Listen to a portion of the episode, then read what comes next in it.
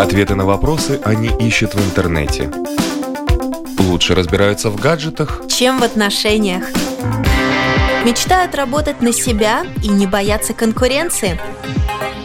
Они самостоятельны. экономны, лишены иллюзий. У них другие интересы. Они стремятся изменить мир. И они оптимисты. Такими мы видим их. А какие они на самом деле? Поколение Z. На латвийском радио 4.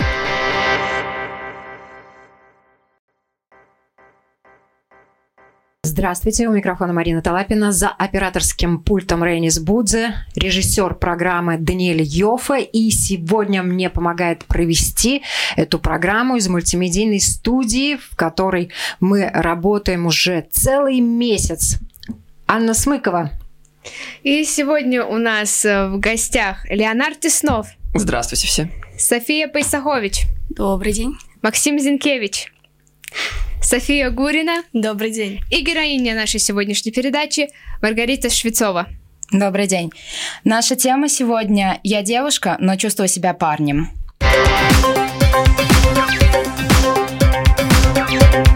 Поколение Z.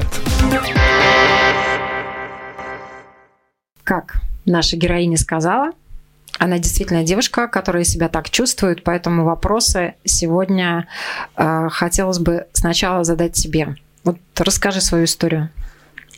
Примерно два года назад в какой-то момент я начала чувствовать то, что мне как-то очень сложно в обществе девушек. И, ну, в принципе, это было с самого детства. Я всегда общалась только с парнями. И в тот момент я поняла, что мне намного проще вот именно с парнями, и мне проще в их атмосфере.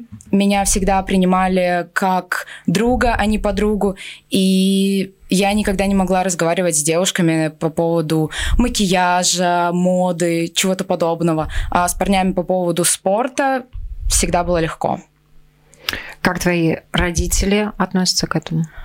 Родители, они довольно спокойно к этому относятся, потому что они уже с самого детства понимали, что девочка из меня выйдет очень плохая, так как я никогда... Я всегда бегала, я всегда играла в футбол, я всегда была с, с побитыми коленями, и поэтому мне всегда... Ну и также у меня все друзья были парнями, поэтому мне было просто легче с ними, и родители это прекрасно видели, родители это понимали, и у меня было очень легко общаться именно с братом, а не с какими-то подругами, поэтому они прекрасно понимали, что что-то такое есть уже с самого детства. Но ты с ними общалась уже на эту тему, да? Потому что да. у многих девчонок есть э, братья, с которыми они действительно тоже любят и проводить время, и общаться. И вот у Ани брат, да, и ну, у Софии тоже... брат тоже замечательное отношение с братом. И тут в этом отношении нет ничего удивительного, да, что э, тебе нравится общаться с парнями. Просто э, ну,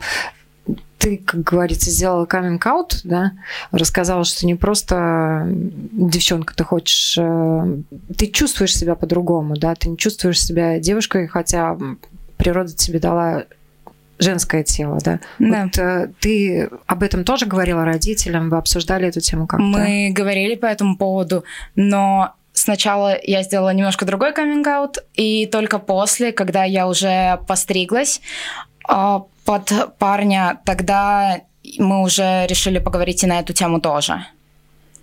Так что, в принципе, в этом плане я открылась уже, ну, наверное, полтора года назад. И мы об этом говорили и не раз с родителями. Ребят, наверняка у вас тоже есть вопросы, Макс. А как к этому относятся твои друзья? Именно к, к Мои друзья совершенно спокойно к этому относятся. Меня очень многие друзья называют не Маргарита, Марго, а называют Гошей ну, как бы сокращенно от Маргоша, Гоша, поэтому это уже приелось, и, в принципе, все довольно спокойно к этому относятся. А ну, как э, к этому отнеслись в школе? Может быть, были какие-то замечания от учителей? Um, от учителей никогда не было замечаний. Было в прошлом году был такой момент, когда девочки из 12 классов, они я не знаю, то ли не понимали, девочки я или мальчик. Если я, допустим, заходила в женский туалет, то просто-напросто меня выгоняли со словами, что твой туалет рядом. Но Я просто, я просто шла в мужской, и, в принципе, парням, которые там в школе, им было совершенно все равно. В мужском я в женском туалете их вообще не волновало. Ну, как что... ты себя чувствовала при том, что вот, э, ну, девушки себе такое позволяют? Сначала мне было немножко неприятно, а после я уже прекращала обращать на это внимание. В какой-то момент я поняла, что это все равно продолжится, и я просто решила, ну, что будет, то будет. А, что касается а, именно тебя, ты ощущаешь себя мальчиком, это понятно. Но если это не секрет, то а, какая у тебя именно ориентация? Ну, то есть тебе как вот... Вот всегда мама задает, тебе мальчики нравятся вопрос? Вот тебе нравятся мальчики или девочки? Мне нравятся девушки на данный момент. Угу. Был какой-то период, когда я думала, что, ну вот, все, мальчики-мальчики. А потом, ну, наверное, полгода я думала, что, ну, вроде и мальчики, вроде и девочки, а на данный момент уже, наверное, последние полтора года я не представляю себя с парнем. Вообще не могу представить такого. Кто первый узнал о том, что у тебя есть мысли о том, что ты трансгендер или как? А трансгендер Ладно. это если бы я поменяла Извини, пол неправильно, пока да. что. Еще ну, как не бы произошло. кто первый знал то, что ты Моя подруга. А, моя близкая подруга, она об этом узнала первая, и только через месяц узнали мои родители. А можно еще задать один личный вопрос? А насколько тяжело с поиском партнера, который это принял бы? Я, я просто не пытаюсь искать. То есть у меня была девушка, у меня был парень, но все, как это, я просто по течению по иду. По течению. Да. Тут еще один важный момент есть. Ты общаешься, у тебя есть друзья и подруги, и у них есть тоже родители, старшее поколение. Известно, как к этому относятся. Вот как тебя э, принимают в семьях твоих друзей? Не знаю почему, но чаще всего родители моих друзей меня очень-очень любят. Причем они очень часто мне говорят, что они мне доверяют даже больше, чем своим детям. И я предлагаю вообще ответить на этот вопрос твоим друзьям. Ой, это да. действительно, это правда, могу поднять тысячу рук и доказательства. Моя мама много лет знакома с Марго, и они действительно много общались и близко контактировали. И подумать, девочка хочет стать мальчиком. Многие мамы могли бы после этого запретить там общаться этому человеку с такой подругой. Но, несмотря на это, моя мама все равно очень положительно относится к Марго, ее отношение к ней ничуть не изменилось, потому что она очень открытый человек. И то, что она постриглась, то, что у нее появились новые желания, это никак не повлияло ни на наше общение, ни на ее внутренние качества. Она осталась таким же человеком, это самое главное, то, что она не потеряла себя. Ну, мы тоже с Марго, так сказать, не последние люди друг другу. Мы э, очень также давненько с ней общаемся. Моя мама тоже знает э, и про ориентацию, э, и про, ну, давай назовем это все-таки образ жизни.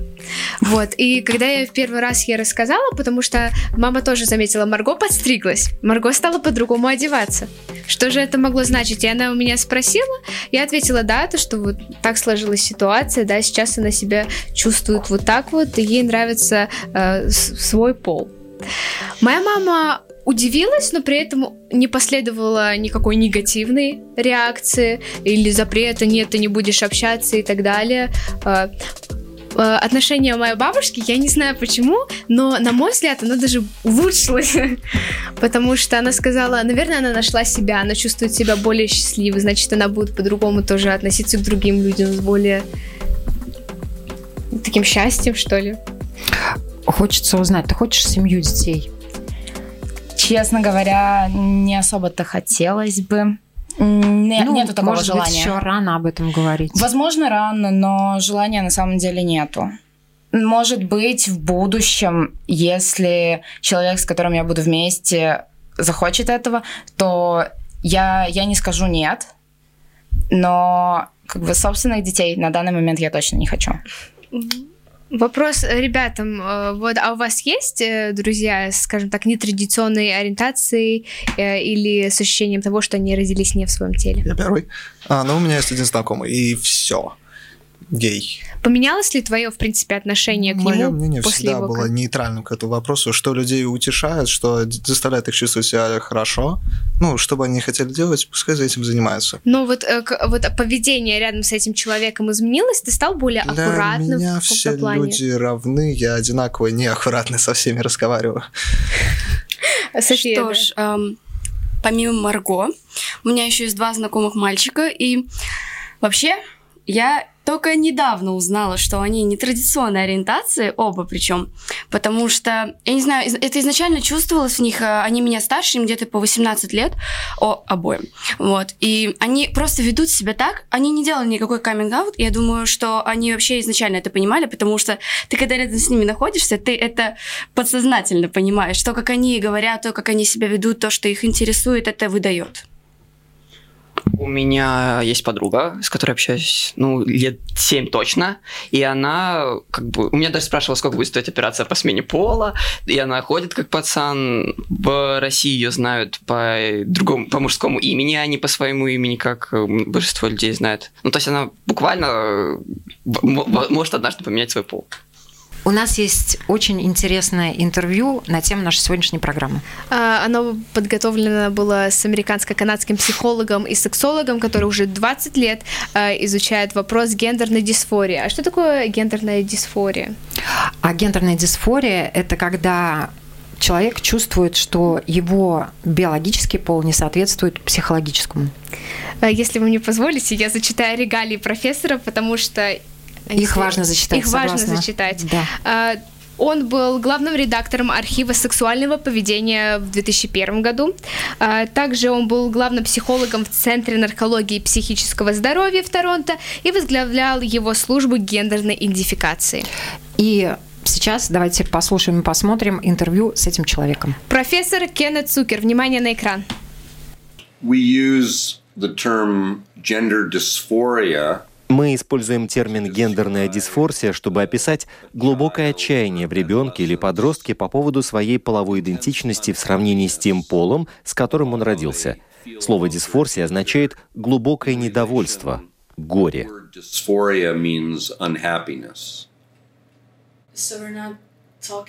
То есть мы имеем в виду не восприятие своей ориентации, а говорим больше о желании персоны быть другого пола? Gender В области гендерного развития мы проводим различия между половой идентичностью человека тем, как он относится к тому, чтобы быть девочкой или мальчиком, в отличие от его сексуальной ориентации, которая имеет отношение к тому, кто его романтически привлекает. Так что это очень важное различие. В каком возрасте дисфория начинает проявляться? Um, Что ж, это очень интересно. И вот к чему мы пришли за многие годы исследований. У детей очень рано появляется чувство своей гендерной идентичности, обычно в возрасте двух-трех лет. Таким образом, маленький ребенок очень рано понимает, кто я есть, то есть очень рано у детей начинает развиваться чувство, являются ли они мальчиками или девочками.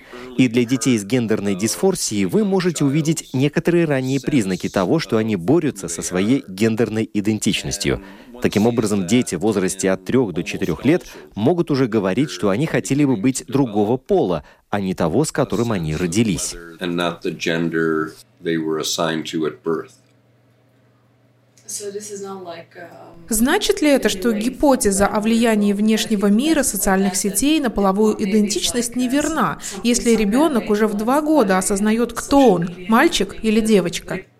Right. Um, your question is actually a very important one because Правильно. Вопрос на самом деле очень важный, потому что в области полового развития мы говорим о том, что некоторые виды гендерной дисфорсии имеют раннее начало. То есть вы можете видеть признаки этого в очень раннем возрасте, и маловероятно, что на детей в возрасте от 3 до 4 лет влияют социальные сети, в отличие, скажем, как они влияют на подростков или молодежь. Figure out who they are. We develop or formulate hypotheses about why Мы развиваем или формулируем гипотезу о том, почему ребенок может чувствовать то, что он делает или что он есть. И затем мы пытаемся работать с этим в терапевтическом плане, если, конечно, родители открыты для такого рода исследований.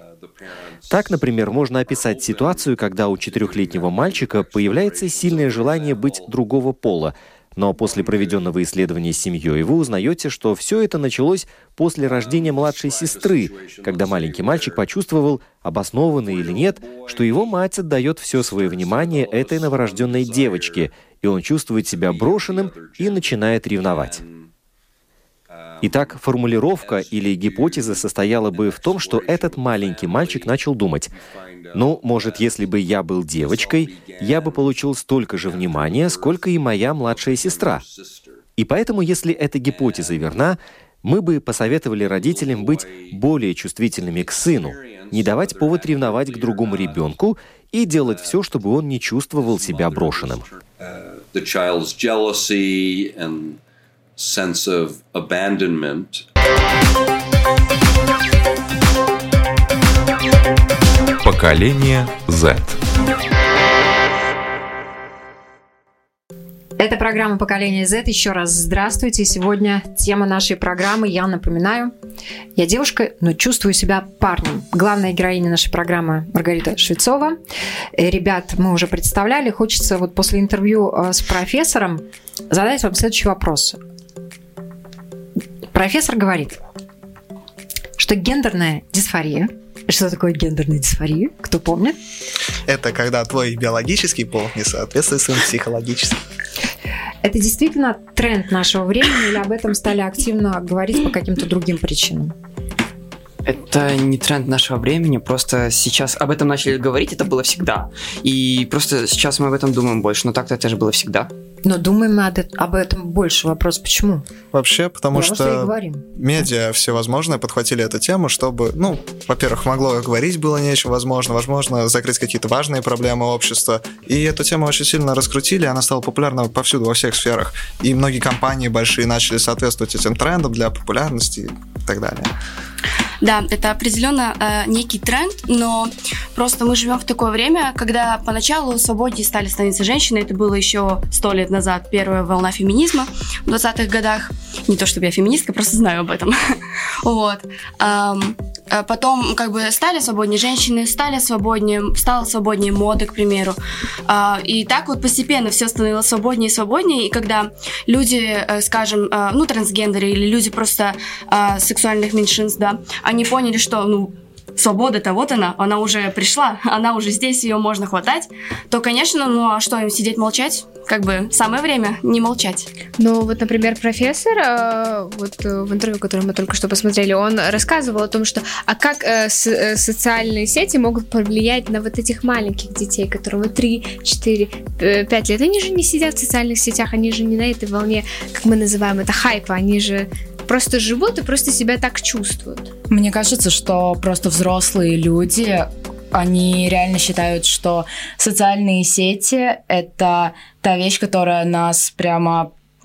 Вот мы зависимы от этого.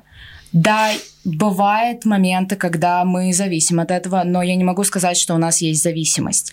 И даже то, что мы видим там, это не значит, что мы обязательно начнем считать так же, что мы обязательно научимся этому.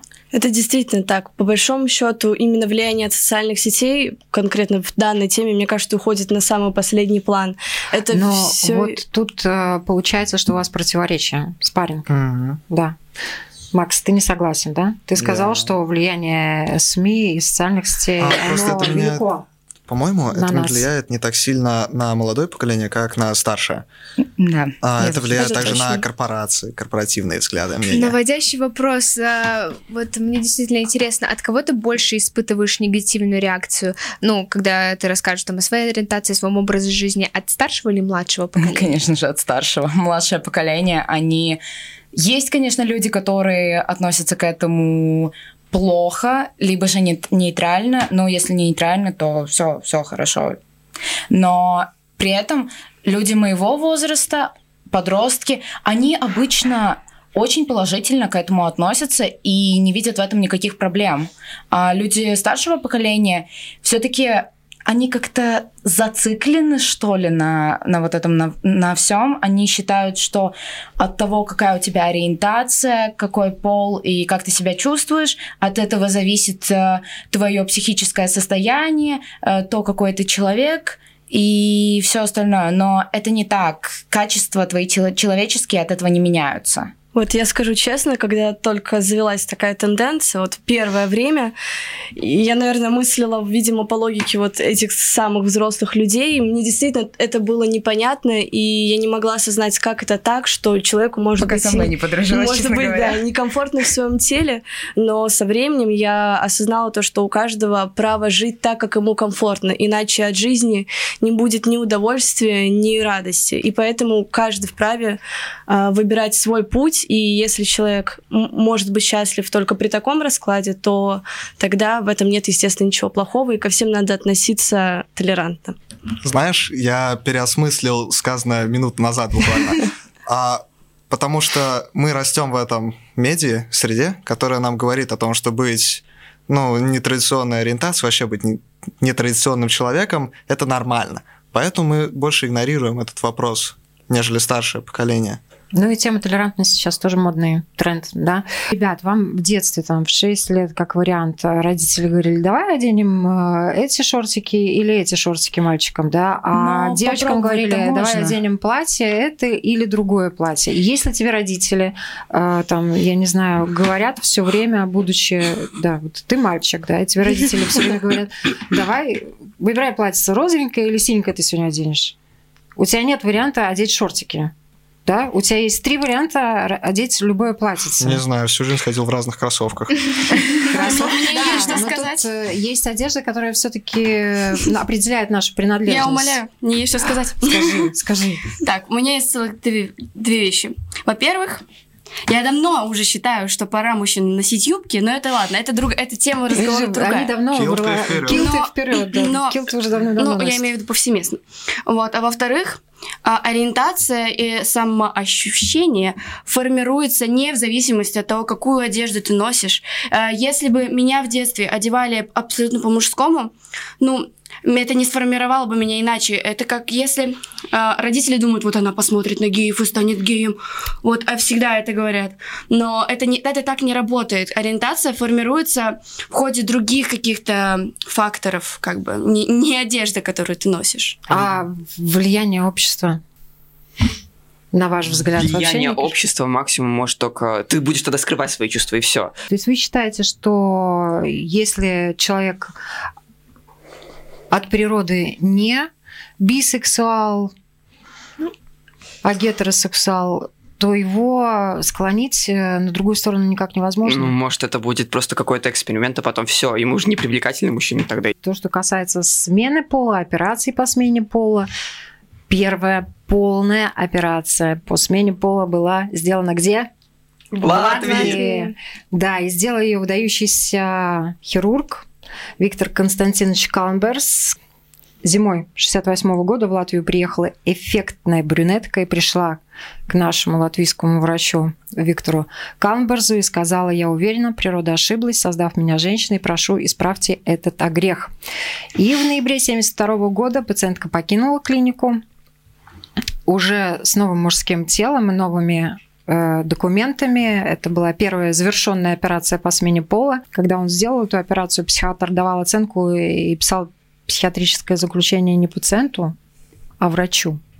Он столкнулся с такими трудностями, э, и когда он приступал к операции, он даже не понимал до конца, чем рискует, а рисковал он не просто потерей работы, по тем временам он мог загреметь в тюрьму. Ты хотела поменять пол?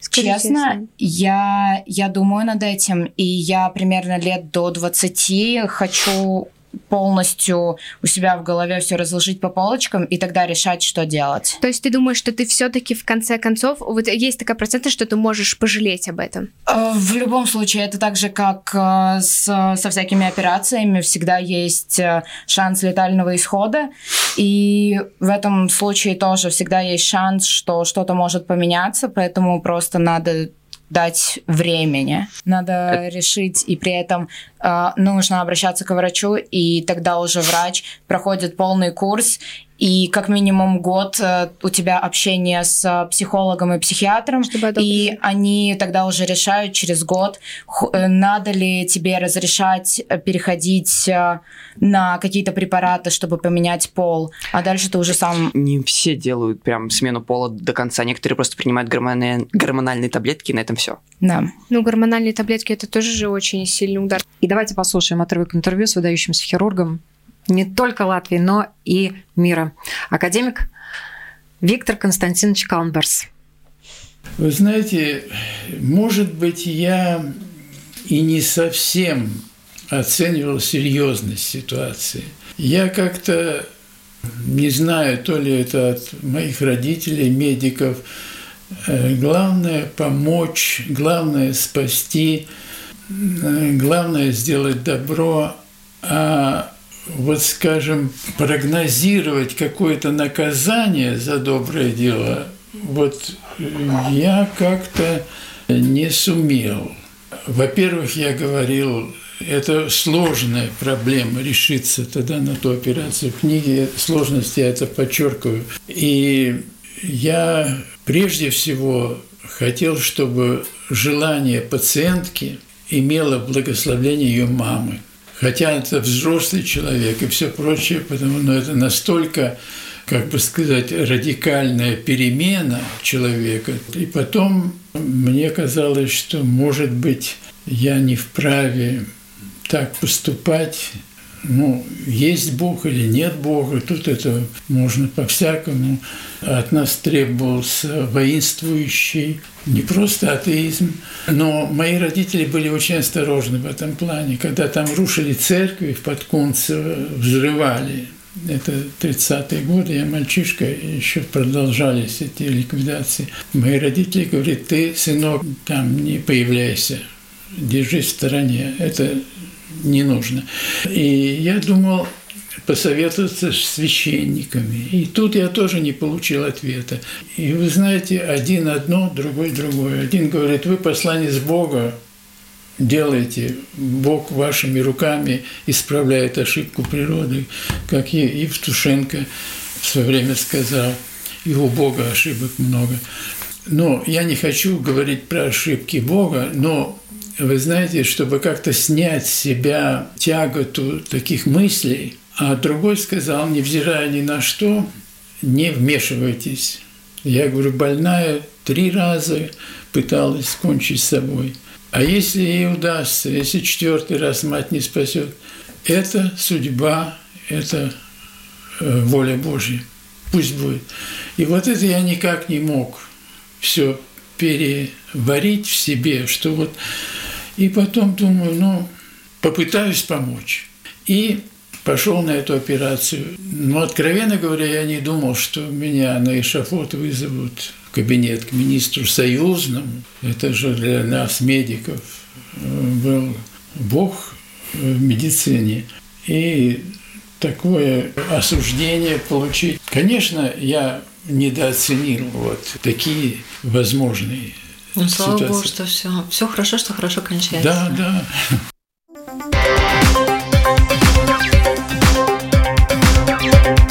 Поколение Z. А как вы относитесь к усыновлению э, детей в семье нетрадиционной? Нетрадиционной. Что ж, тут я э, должна выразить свою консервативную позицию. Э, я но это единственное, пожалуй, с чем я не согласна. Возможно, э, это, конечно, зависит от ситуации. Если действительно в семье один человек представляет как бы мужскую сторону, а другой женскую, тогда ладно, тогда э, возможно усыновление ребенка, но когда оба человека э, все равно ведут себя э, как бы относительно одного пола более или менее, то у ребенка не может сформироваться, но это чисто из психологии, это уже не я придумала, э, как бы ребенок должен видеть и мужскую сторону, и женскую, как бы, что бы мы ни хотели сделать, это надо. Я считаю, что у каждого человека должна быть такая возможность, потому что если хотят детей, но возможности их завести другой нету, то это, я думаю, прекрасный шанс как для самих будущих родителей, так и для ребенка, потому что мне кажется, что детям тоже для них это просто поменяет всю их жизнь, поменяет весь мир для них, и для также для родителей это тоже поменяет полностью всю их жизнь и поменяет также опять же их взгляды, и они просто увидят э, также все глазами, ну или хотя бы попытаются увидеть все глазами нового поколения, весь мир, а не только собственными. Я считаю, что любая семья лучше, чем отсутствие семьи. С другой стороны, многие известные великие люди вышли из приюта, поэтому я считаю, что не столько важно, в какой семье и в какой обстановке вышел, ну, вырос ребенок, чем идеи, которые были в него заложены при рождении, и то, чем он воспитывался. Ну вот то, что касается равных прав с гетеросексуальными парами при усыновлении детей, в том числе и право совместного усыновления ребенка, э, имеют однополые пары, состоящие в браке и в другой форме уже порядка 40 стран. Э, если не полностью, то частично дали добро на это, и люди, э, как правило, могут усыновлять сейчас своих детей, если их там суррогатная мать родила. А у нас есть еще опрос – и даже не один. Один из э, опросов провела в Инстаграме София, тебе слово. Да, я провела опрос, э, концепция которого была оценить э, свою гетеро или гомосексуальность как бы от 1 до 100. Но там не было цифр, там был бегунок, который можно было отметить, где ты сам себя определяешь. То есть эм, э, гомосексуальность это спектр, я бы сказала. То есть ты не можешь быть... Ну, можешь, конечно, но такое редко бывает, что человек 100% гомосексуален или 100% гетеросексуален. Все равно, ну, почти каждого из нас посещают какие-то сомнения, даже очень маленькие или большие. У кого как. Значит, э, вообще мой вопрос просто не так много людей, но тем не менее.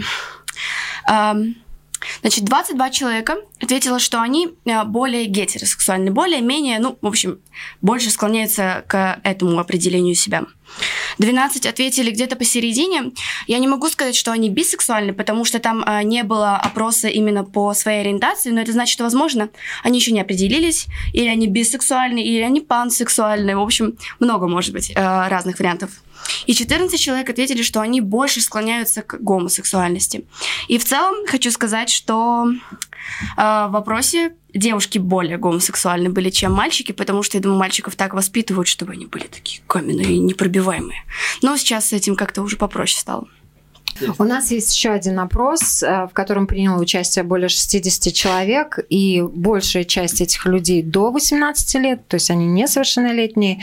И э, таких два э, интересных вывода из этого вопроса можно сделать. Большинство опрошенных допускают существование нетрадиционных семей, причем чем младше возраст респондентов, тем процент считающих такие семьи нормы выше – да. И также респонденты в большинстве случаев считают, что в Латвии негативно относятся к представителям ЛГБТ и в качестве основных причин называют неготовность к принятию ЛГБТ-общества, а также консервативные взгляды. И вот есть следующий комментарий, э, и Некоторые пишут, это неестественно, а, плохо относятся, потому что в Латвии большинство людей мыслят крайне стереотипно, это мышление передавалось через поколение, особенно в советское время, только сейчас общество начинает понимать, что это имеет место быть. Кто-то пишет, что общество не готово, слишком много негатива направлено на ЛГБТ-сообщество, многие не считают их людьми, оскорбляют их. У нас их никто не любит и не примет. У нас есть высокопоставленные персоны, открыто признавшиеся в своей ориентации. Кто-то пишет, что каминг-аут делать еще страшно. Кто-то не наблюдает дискриминации ЛГБТ-сообщества в Латвии. Вот, ну, ваше э, мнение, почему э, это происходит и как вот да, вы я... себя в нашем обществе чувствуете? Я тоже считаю, что это какая-то консервативность, которая осталась после советского времени, потому что люди, которые родились уже после этого периода, они ну, как-то относятся совершенно иначе, и они более открыты к этому, они более понимающие в данном плане. И, честно говоря, я не могу сказать, что я себя чувствую очень обделенной или э, человеком, к которому плохо относятся здесь. Да, есть ситуации, в которых э, неприятные такие комментарии я слышу в свой адрес, но, в принципе, не считаю, что все настолько плохо. Да, тут действительно, наверное, ответ очевиден, то, что все это идет из прошлого и уже из установленных стандартов там, построения своей семьи. Это действительно заложено, наверное, и в нас было в детстве, но поскольку мир движется вперед, у нас меняются взгляды, и мы начинаем мыслить иначе, расширяем все-таки, наверное, свои мысли. И пришло такое вот осознание, то, что и такое реальное, и такое доступное, и каждый, опять же таки, э, приходит к самоосознанию, к самоощущению, которое и делает человека сформировавшейся личностью. А я лично не имею негативного отношения к людям, которые представители ЛГБТ. Я больше отрицательно отношусь к комьюнити, так называемые белые рыцари, люди, которые готовы защищать то, во что верят, но они делают это абсолютно неправильно, как по мне, они втирают свое мнение, и новые тенденции ненужные, абсолютно бюрократические. Что ж, я не знаю, откуда это идет, но я часто от своих родителей, которые крайне плохо, особенно мама, относятся к ЛГБТ, я часто слышу такие глупости, что э, отбирают у обычных семей детей дают в ЛГБТ-семьи, а чтобы э, ЛГБТ-семьи получили детей, они просто э, дают заявки, и им этих детей как бы крадут. И моя мама свято в это верит. Откуда идет эта хрень, простите за выражение? Некрасиво это говорить, но я другого слова подобрать просто не могу. А, в общем, я считаю, что просто, да, я согласна с Марго, а, что действительно от СССР у нас еще очень много консерватизма осталось, но это очень скоро уже исчезнет.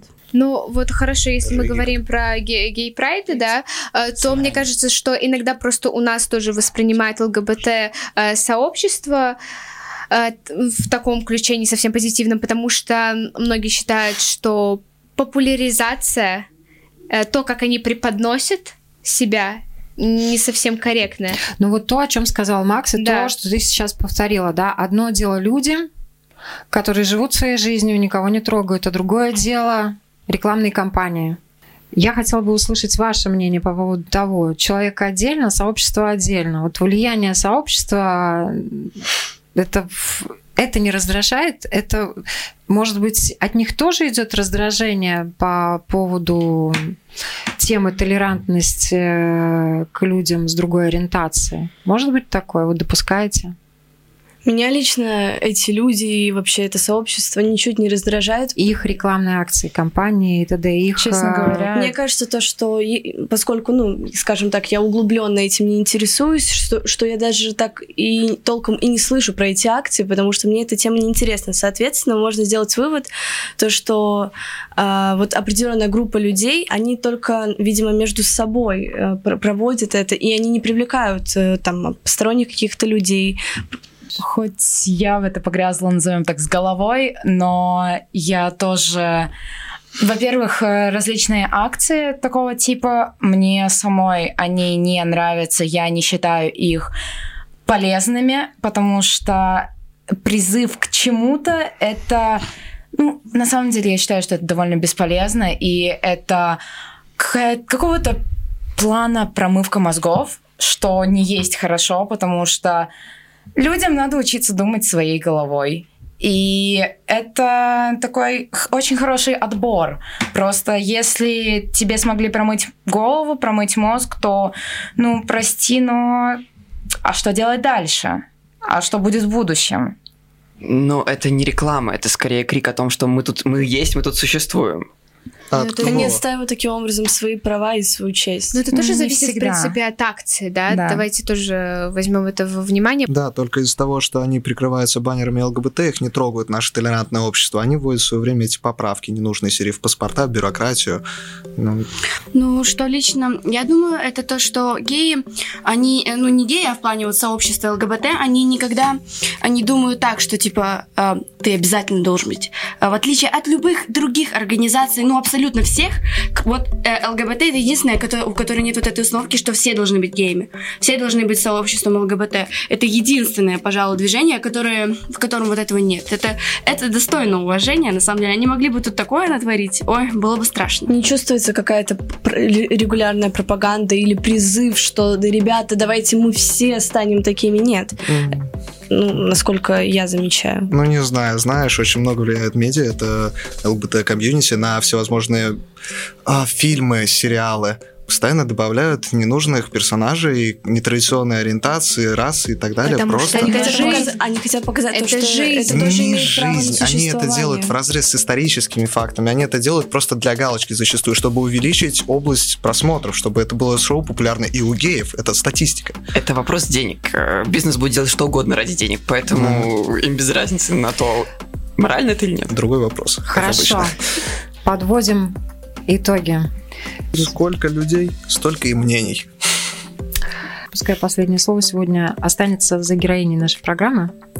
Маргарита Швецова, тебе слово. Опять же, не могу не согласиться со словами, сказанными буквально пару секунд назад, с тем, что сколько людей, столько и мнений, поэтому просто-напросто у каждого человека должно быть собственное мнение, и никто не может судить, хорошее это или плохое.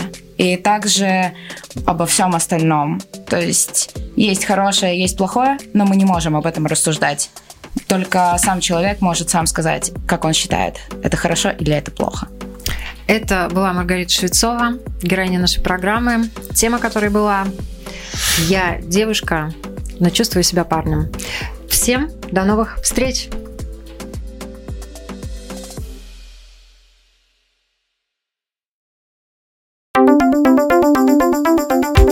Ответы на вопросы они ищут в интернете.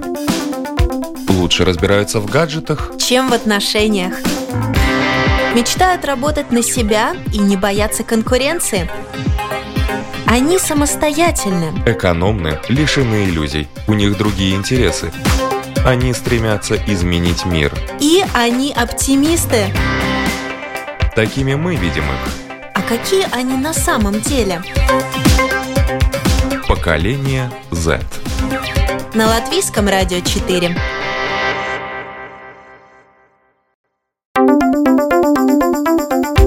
Ответы на вопросы они ищут в интернете.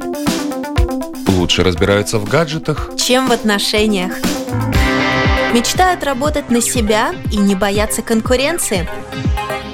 Они самостоятельны. Экономны, лишены иллюзий. У них другие интересы.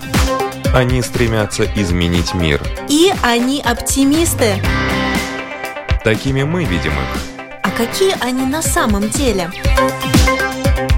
Поколение Z. На латвийском радио 4.